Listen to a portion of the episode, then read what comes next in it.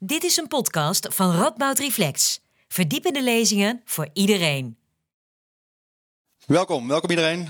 Fijn dat jullie er allemaal uh, zijn vandaag. Um, nou, het zal de meeste van jullie waarschijnlijk uh, niet ontgaan zijn. Uh, de rellen afgelopen, afgelopen weekend tijdens de klassieker Ajax-Feyenoord. Um, deze wedstrijd is uiteindelijk vroegtijdig gestaakt. Het begon met vuurwerk op het veld en uiteindelijk escaleerde dat in verschillende rellen um, op en rondom het veld. En voor ons als Rabout Reflex aanleiding om hier uh, aandacht aan te besteden tijdens het actualiteitencollege. Um, want wat drijft die hooligan nu precies? En hoe kan het nu zo zijn dat het is natuurlijk een probleem wat niet van vandaag is. We, we, we kampen al langer met dit soort problemen. Waarom lijken we maar niet in staat om dit soort problemen op te lossen? Uh, we gaan het samen doen met sporthistoricus Paul Reef en sociaal en cultureel psycholoog Cor van Halen. Ik ben Nor Flemmix, ik ben programmamaker bij uh, Reflex en ik zal straks met hun in gesprek gaan. Daarna uh, heeft u ook de ruimte om vragen aan hen te stellen als u dat wilt. Uh, maar voordat ik dit doe, geef ik graag eerst het woord aan Amerikanist Peter van der Heijden, die dit college aftrappen met een column. Dank u wel.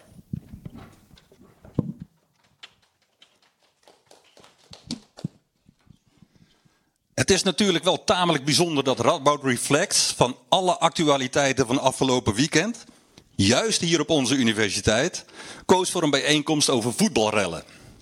Nu snap ik wel dat je als universitaire organisatie niet per se je handen wilt branden aan sommige andere actualiteiten, maar toch. Gelukkig weet ik nog wel een linkje te leggen. Waar heb je anders een columnist voor? En dan hoef ik alleen maar de naam Mark Overmars te noemen. De foto die hij ongevraagd rondstuurde blijkt achteraf een enorme sloopkogel uh, geweest te zijn. Niet alleen voor de eigen club, maar nu ook voor het laatste restje fatsoen rond de voetbalvelden. Laten we hopen dat die andere actualiteit minder schade oplevert, maar ik vrees het ergste. Maar terug naar het voetbal. Als levenslang Ajax-fan doet het, het verval van die club mij wel wat. Al snap ik anderen ook wel die het als een straf voor decennia lange hoofdstedelijke arrogantie zien. En vind ik het ook wel prettig voor ons eigen NEC dat er weer wat goedkope punten te halen zijn. Als burger doen die voetbalrellen me eigenlijk nog veel meer. Het curieuze van afgelopen zondag is dat we nu eens geen rellen tussen rivaliserende supporters zagen, maar een soort van auto-immuunreactie van de Ajax-supporters op een ontsteking in hun eigen club. De belangrijkste bijzaak van de wereld, zoals voetbal wel wordt genoemd, levert voor sommigen meer frustratie op dan plezier. En frustratietolerantie is niet iets waar het gemiddelde lid van de harde kern uitgebreid mee bedeeld is. Het deed mij denken aan een voorval jaren geleden in de Goffert tijdens NEC Vitesse. In vergelijkbare omstandigheden als afgelopen zondag bij Ajax Feyenoord ook geen uitpubliek en dus alleen fans van NEC. Naast mij op de tribune stond een klein opgewonden testosteronbommetje te schreeuwen dat hij bij verlies van NEC alle Vitesse-spelers de benen zou breken. Na mijn opmerking, doe eens normaal, die gasten komen hier ook alleen maar om te voetballen, richtte zijn agressie zich op mij, tot ik mijn seizoenkaart liet zien en dus tot het goede kamp bleek te behoren. Toen er wat gekalmeerd was, bleek het een bioloog te zijn. Een collega aan deze prachtige universiteit. Als klap op de vuurpijl bleek hij gepromoveerd te zijn en wel op, jawel, stress bij karperguppies. Het wordt hoog tijd dat dit onderzoek op een nieuwe doelgroep wordt herhaald. Op voetbalsupporters. Dank u wel.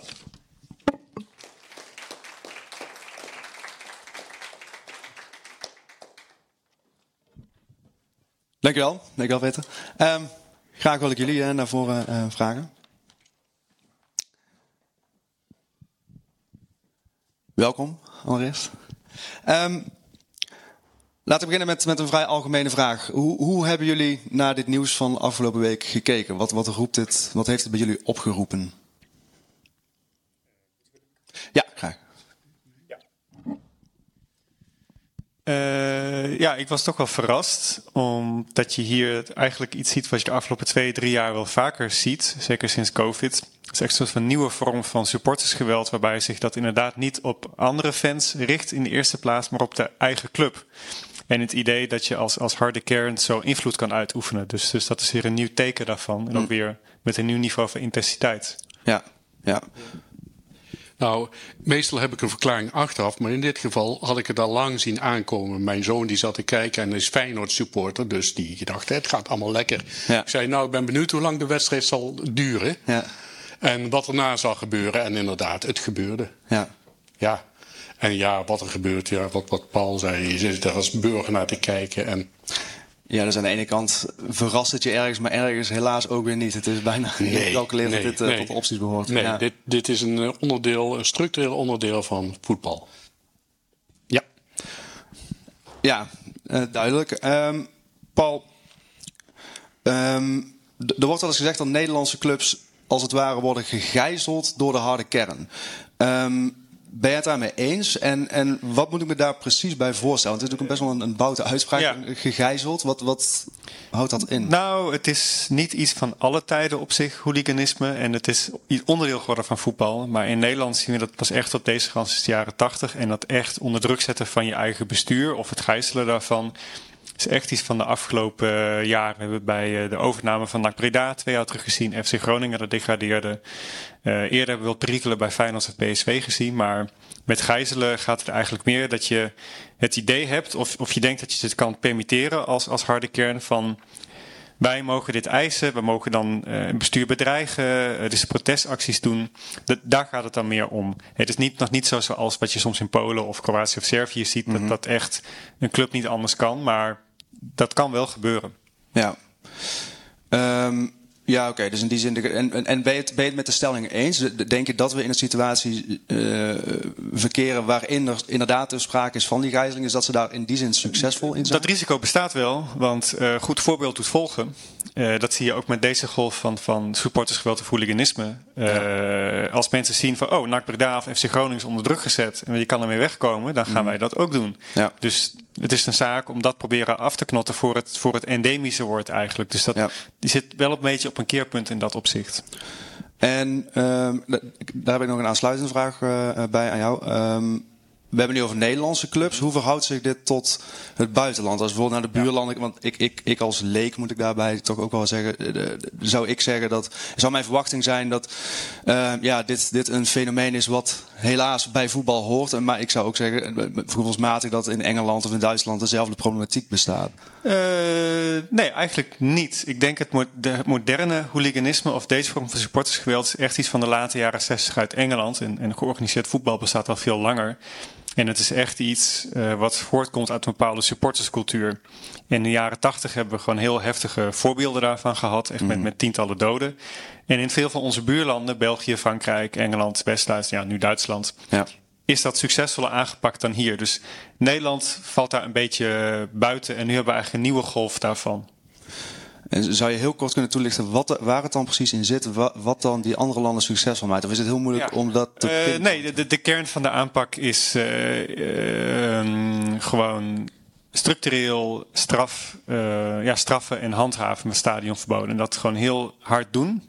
En tegelijkertijd dat je het ook preventief gaat aanpakken. En dat je zegt, hey, als je voetbalfan bent, hoef je geen hooligan te zijn die met 20 pints anderen in elkaar gaat slaan. Dus dat je tegelijkertijd heel hard straft. En aan de andere kant echt als club eh, en ook als, als voetbal zelf een ander supportersbeeld uitdraagt. Ja. Om die oude cultuur uit te vlakken. Want daar komt het deels historisch uit voort. Oké, ja. Duidelijk. Ehm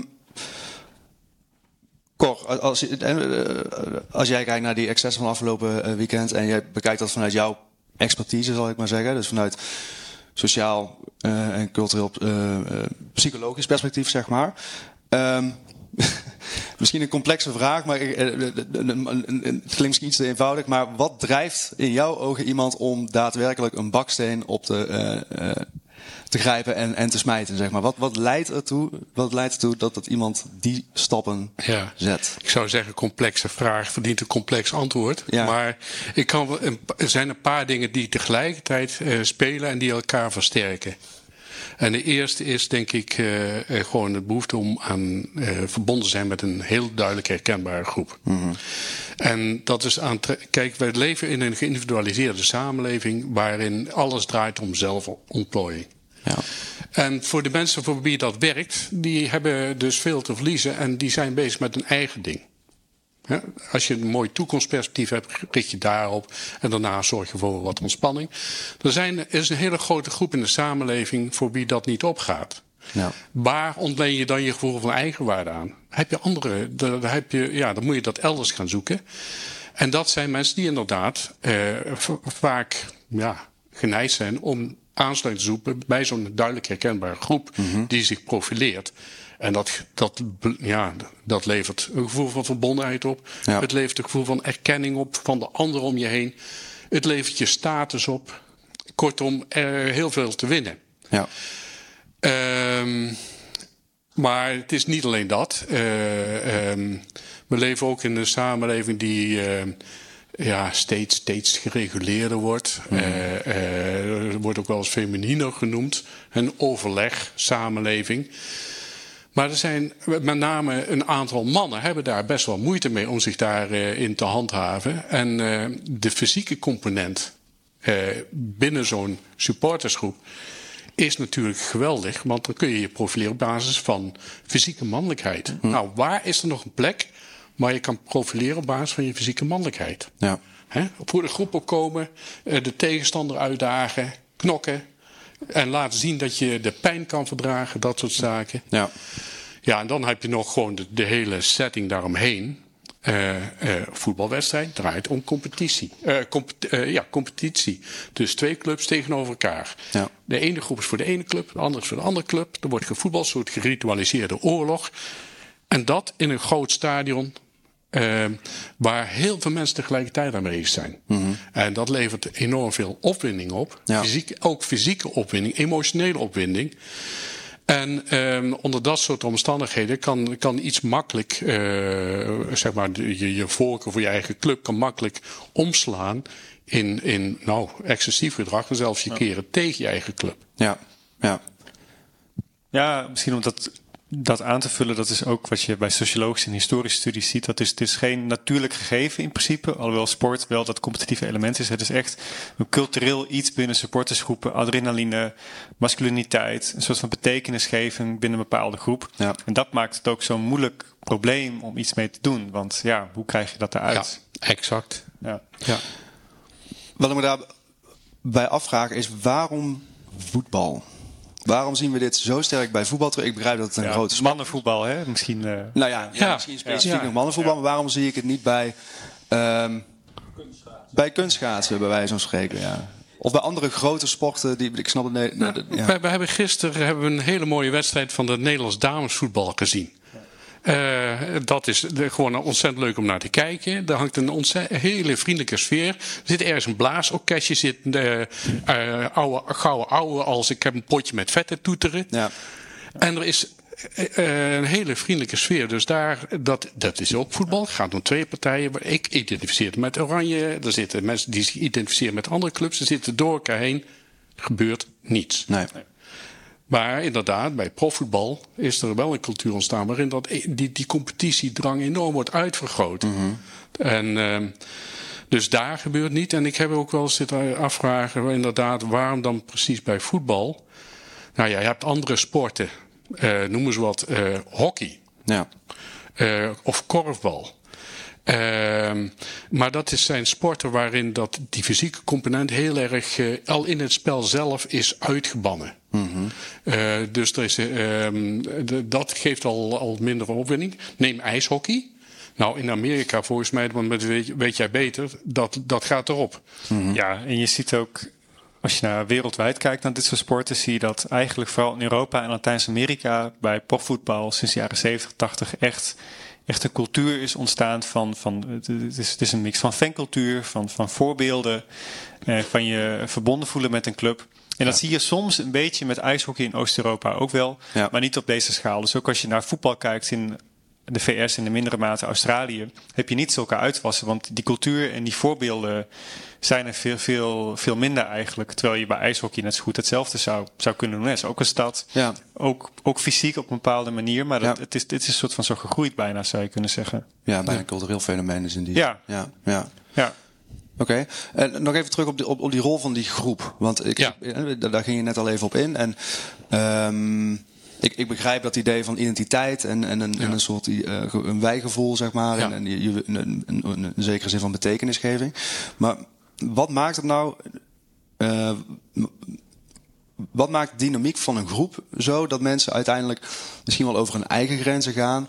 Um, heeft dat bijvoorbeeld met, met een soort emotionele besmetting te maken? Of zo? Wat, wat, wat zorgt ervoor dat, dat het lijkt wel alsof het dan van kwaad tot erger gaat en tot een climax komt? Nou ja, het sowieso eh, binnen een groep eh, heb je altijd eh, een soort, soort dynamiek. En dat zie je ontzettend goed bij supporters, groeperingen en, en, met name bij hooligans, waarin een pikorde ontstaat. Hm. En die pikorde, die, die, dus men neemt elkaar de maat over hoe, zeg maar, hoe goed, sterk sta jij voor onze zaak.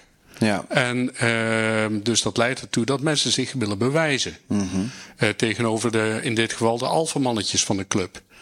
En uh, die alfamannetjes, die, die willen zich weer onderscheiden van die anderen door nog meer alfamannetje te spelen. En dat is een hele sterke dynamiek.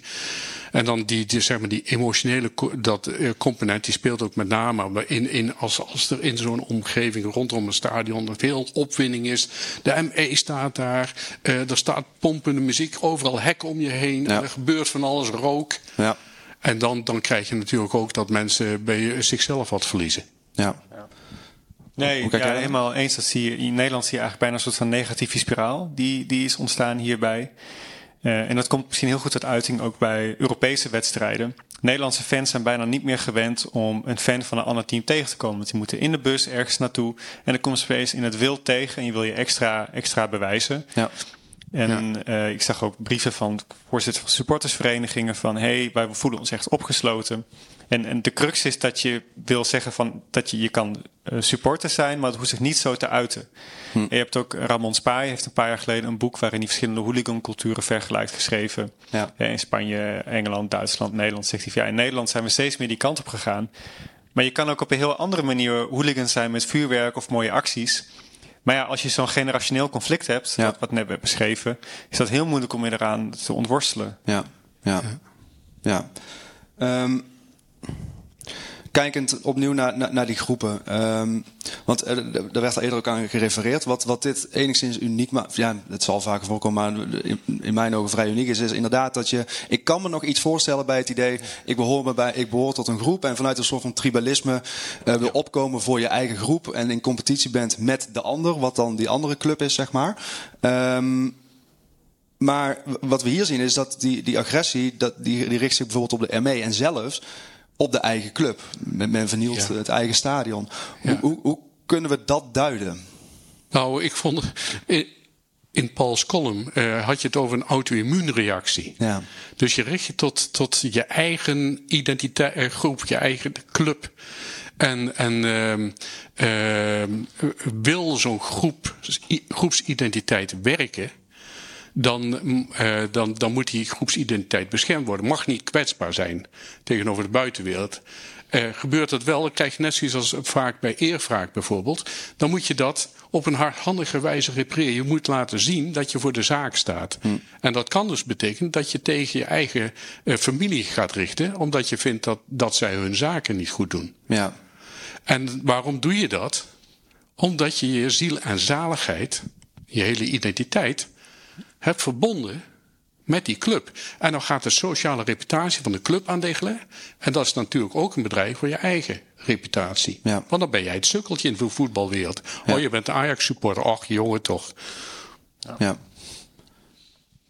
Heb jij ja, dan ook idee? Soms, soms lijken er voor sport andere regels te gelden. Dat je als, als supporter het idee hebt dat je zou kunnen permitteren dat je dat doet eigenlijk. Ja. ja. En uh, dat is ook niet altijd, altijd. Het is altijd wel een soort van conflict tussen bestuur en, en voetbalfans. Maar dat zich nu zo uit is echt iets van de afgelopen twee, drie jaar. Ook, ook na COVID, wat we in Nederland uh, zo zien, is wel eerder geweest, maar niet in deze mate. Mm En ik denk dat je dat ook als een soort van protestgolf moet zien. Mm Met een bepaald repertoire, wat je van andere clubs gaat kopiëren. Ja. Als je, dat zag je in de jaren tachtig historisch ook. Dat komt op een gegeven moment op, die, die fancultuur. Die ook samenhangt met punk en een soort van protestcultuur en, en andere zaken. Ja. En dan, dan kun je elkaar gaan kopiëren. En uh, dat, dat zit, er, zit er ook deels in. Is het ook iets van de laatste tijd dat je ziet dat er. Uh, want we, we leggen nu heel sterk de koppeling tussen die harde kern en de club. Hmm. Um, maar wat je ook ziet is dat dit soort harde kernen bijvoorbeeld ook ineens bij demonstraties van kick, kick out Zwarte Piet uh, terechtkomen. En ja. waarbij ik dan even de, de, de, link mis met überhaupt de club, zeg maar. Is dat ook iets nieuws? Of, of, of... Mm. Nou, in, in Nederland wel. Je hebt altijd wel soms overlap tussen mensen die in zo'n zo'n harde kern zitten en zich zo uiten. Maar als, als ik sociologische studies erover lees, is die groep soms best heterogene eigenlijk. Hè? Dat, ja. dat, dat zijn niet altijd per se drugsdealers of criminelen. Die heb je ook en die kunnen cultstatus krijgen. Maar we zien in Nederland niet, of nog niet, zoals je in Italië, Kroatië, Polen, Sovjet-Unie en later Rusland zag, dat dat zich ook politiek ging uiten. Ja. In Nederland heb je eigenlijk geen politieke club zoals in Griekenland of Duitsland, hè, met echt links of echt rechts. Ja.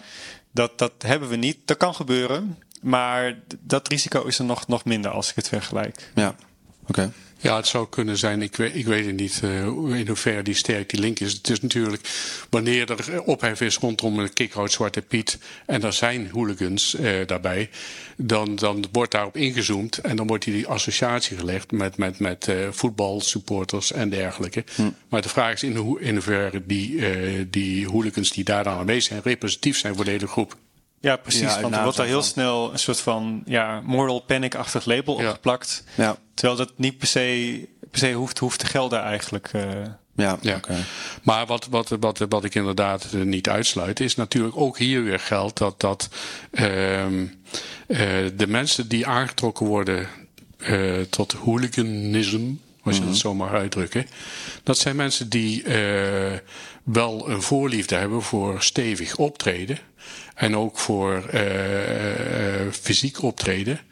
En voor het continu handhaven, probeer het handhaven voor, van een wij-zij-onderscheid. Ja. En dat zit sterk in hun denken verankerd. En ik kan me voorstellen dat, dat wat ze hebben ten aanzien van hun eigen voetbalclub versus de andere voetbalclub, dat het zich generaliseert naar de, waarbij je dan erbij staat voor ons soort mensen. Versus uh, dat soort mensen. Ja, ja. Ja, dat risico bestaat. En dat, in, in, zeker in Spanje of, of uh, ook Griekenland zie je dat heel duidelijk dat het ook politiek gelieerd is, of stad versus regio. Ja. En dat is in Nederland nog een beetje, een beetje nondescript, maar dat, dat kan zeker als dit zich. Ja, stel je gaat over twintig jaar kijken en je ziet, hé, hey, dit supportersgeweld zie ik in een soort van context met, met boerenprotest of algemene onrust. dat je het zo gaat duiden, maar dat is nu nog een beetje beetje, voor mij als historicus althans, nog een beetje te vroeg voor. Maar dat, dat, dat zou kunnen. Ja, ja. Um, het, is, eh, het is heel moeilijk om hier lijkt mij uh, een, een, een, oplossing in, in, te vinden. In die zin, kijk, als we bijvoorbeeld kijken naar politieoptreden. Hoe moet je hier als politie mee omgaan? Want aan de ene kant wil je hard optreden. Dat is volgens mij ook een betoog mm. van, van jou. Van je, je moet, je moet hard, of in ieder geval hard straffen misschien. Aan de andere kant, juist omdat uh, vaak de agressie ook na die ME is gericht, lijkt het, lijkt het soms wel dat het doel is bereikt op het moment dat die ME uh, op de proppen komt en dat ze daarmee op de vuist kunnen. Dus lijkt me een moeilijk dilemma waar je dan in begeeft, hoe, hoe je daarmee om moet gaan. Heb je een idee uh, in hoeverre het voetbalgeweld is verminderd op het moment dat, uh, dat in plaats van vroeger in de jaren tachtig bijvoorbeeld, werd vaak daarmee ingezet in het stadion zelf. En, en eh, de mensen die de, zich dat kunnen herinneren, uh, kennen nog die beelden dat er dan enorme sla, veldslagen ja. plaatsvonden in het stadion zelf. Ja. ja nu zitplaatsen. En nu, dus nu hebben ze zitplaatsen ja. en ze werken met um, stewards uit de eigen club die dan toezicht houden. Dus de mobiele eenheid is als het ware uit de staande verdwenen. En alleen bij extreme situaties, uh, deze bedreigende situaties, treden ze op in het stadion. Maar heeft is dat ook, zie je dan ook dat sinds het invoeren van die stewards uit de eigen club het geweld minder is geworden? Deels. Uh, het, het, is onderdeel van een algemene aanpak die we deels uit Engeland hebben gekopieerd. Van oké, okay, escalerend en mee erop afsturen alleen helpt niet. We moeten als club echt in die haarvaten ervan terechtkomen. Hm. In Nederland, we hebben het vaak over hard straffen, maar een stadionverbod is heel makkelijk te omzeilen. Ja. Uh, en er wordt die ook niet echt heel heftig uh, gehandhaafd. Of de, veel hooligans hebben soms ook een bepaalde link met de club. Dus in Nederland straffen we eigenlijk niet, niet heel erg, niet heel erg uh, hard. Ik zie wel, als je kijkt naar de cijfers, neemt het supportersgeweld niet echt heel exponentieel toe ten opzichte van twee, drie jaar geleden. Maar heel veel de intensiteit, hè, de bedreigingen en het geweld buiten het veld, ja. wat dit is, dat neemt wel heel erg toe.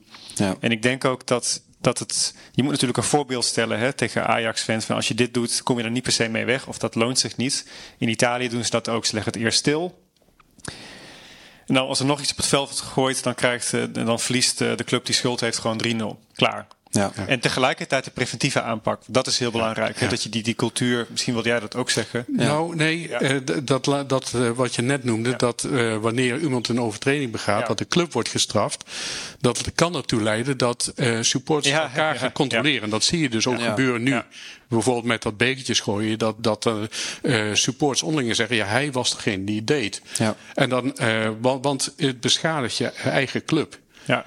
Ja. En dat is natuurlijk eh, veel beter eigenlijk dan straffen of toe- eh, toezicht houden, is dat de groep elkaar controleert. Ja. Precies, je wil eigenlijk gewoon naar een andere supporterscultuur. Ja. Waar, waar, in dit, waar, waar ook wordt voorkomen dat mensen radicaliseren. En Nederland ging een beetje die kant op.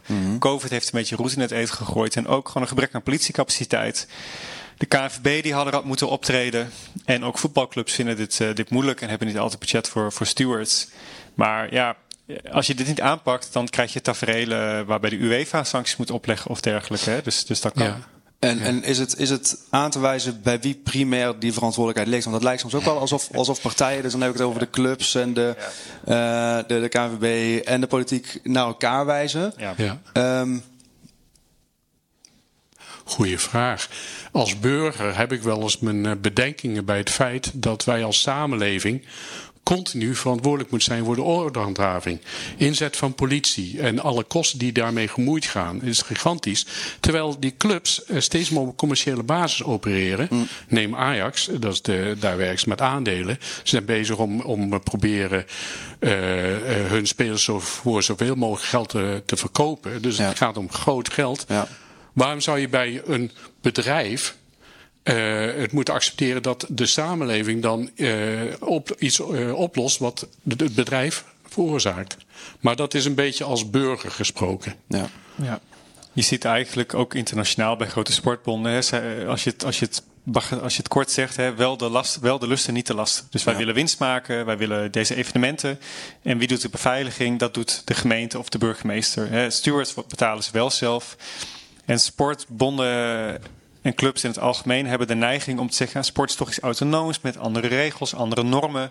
Hè, ons, ons eigen recht een beetje. Maar als het over iets als dit gaat, ja, dat kunnen ze blijkbaar niet zelf oplossen. Ja. En dan moet je ook als overheid zeggen: ja, eh, nu is het klaar.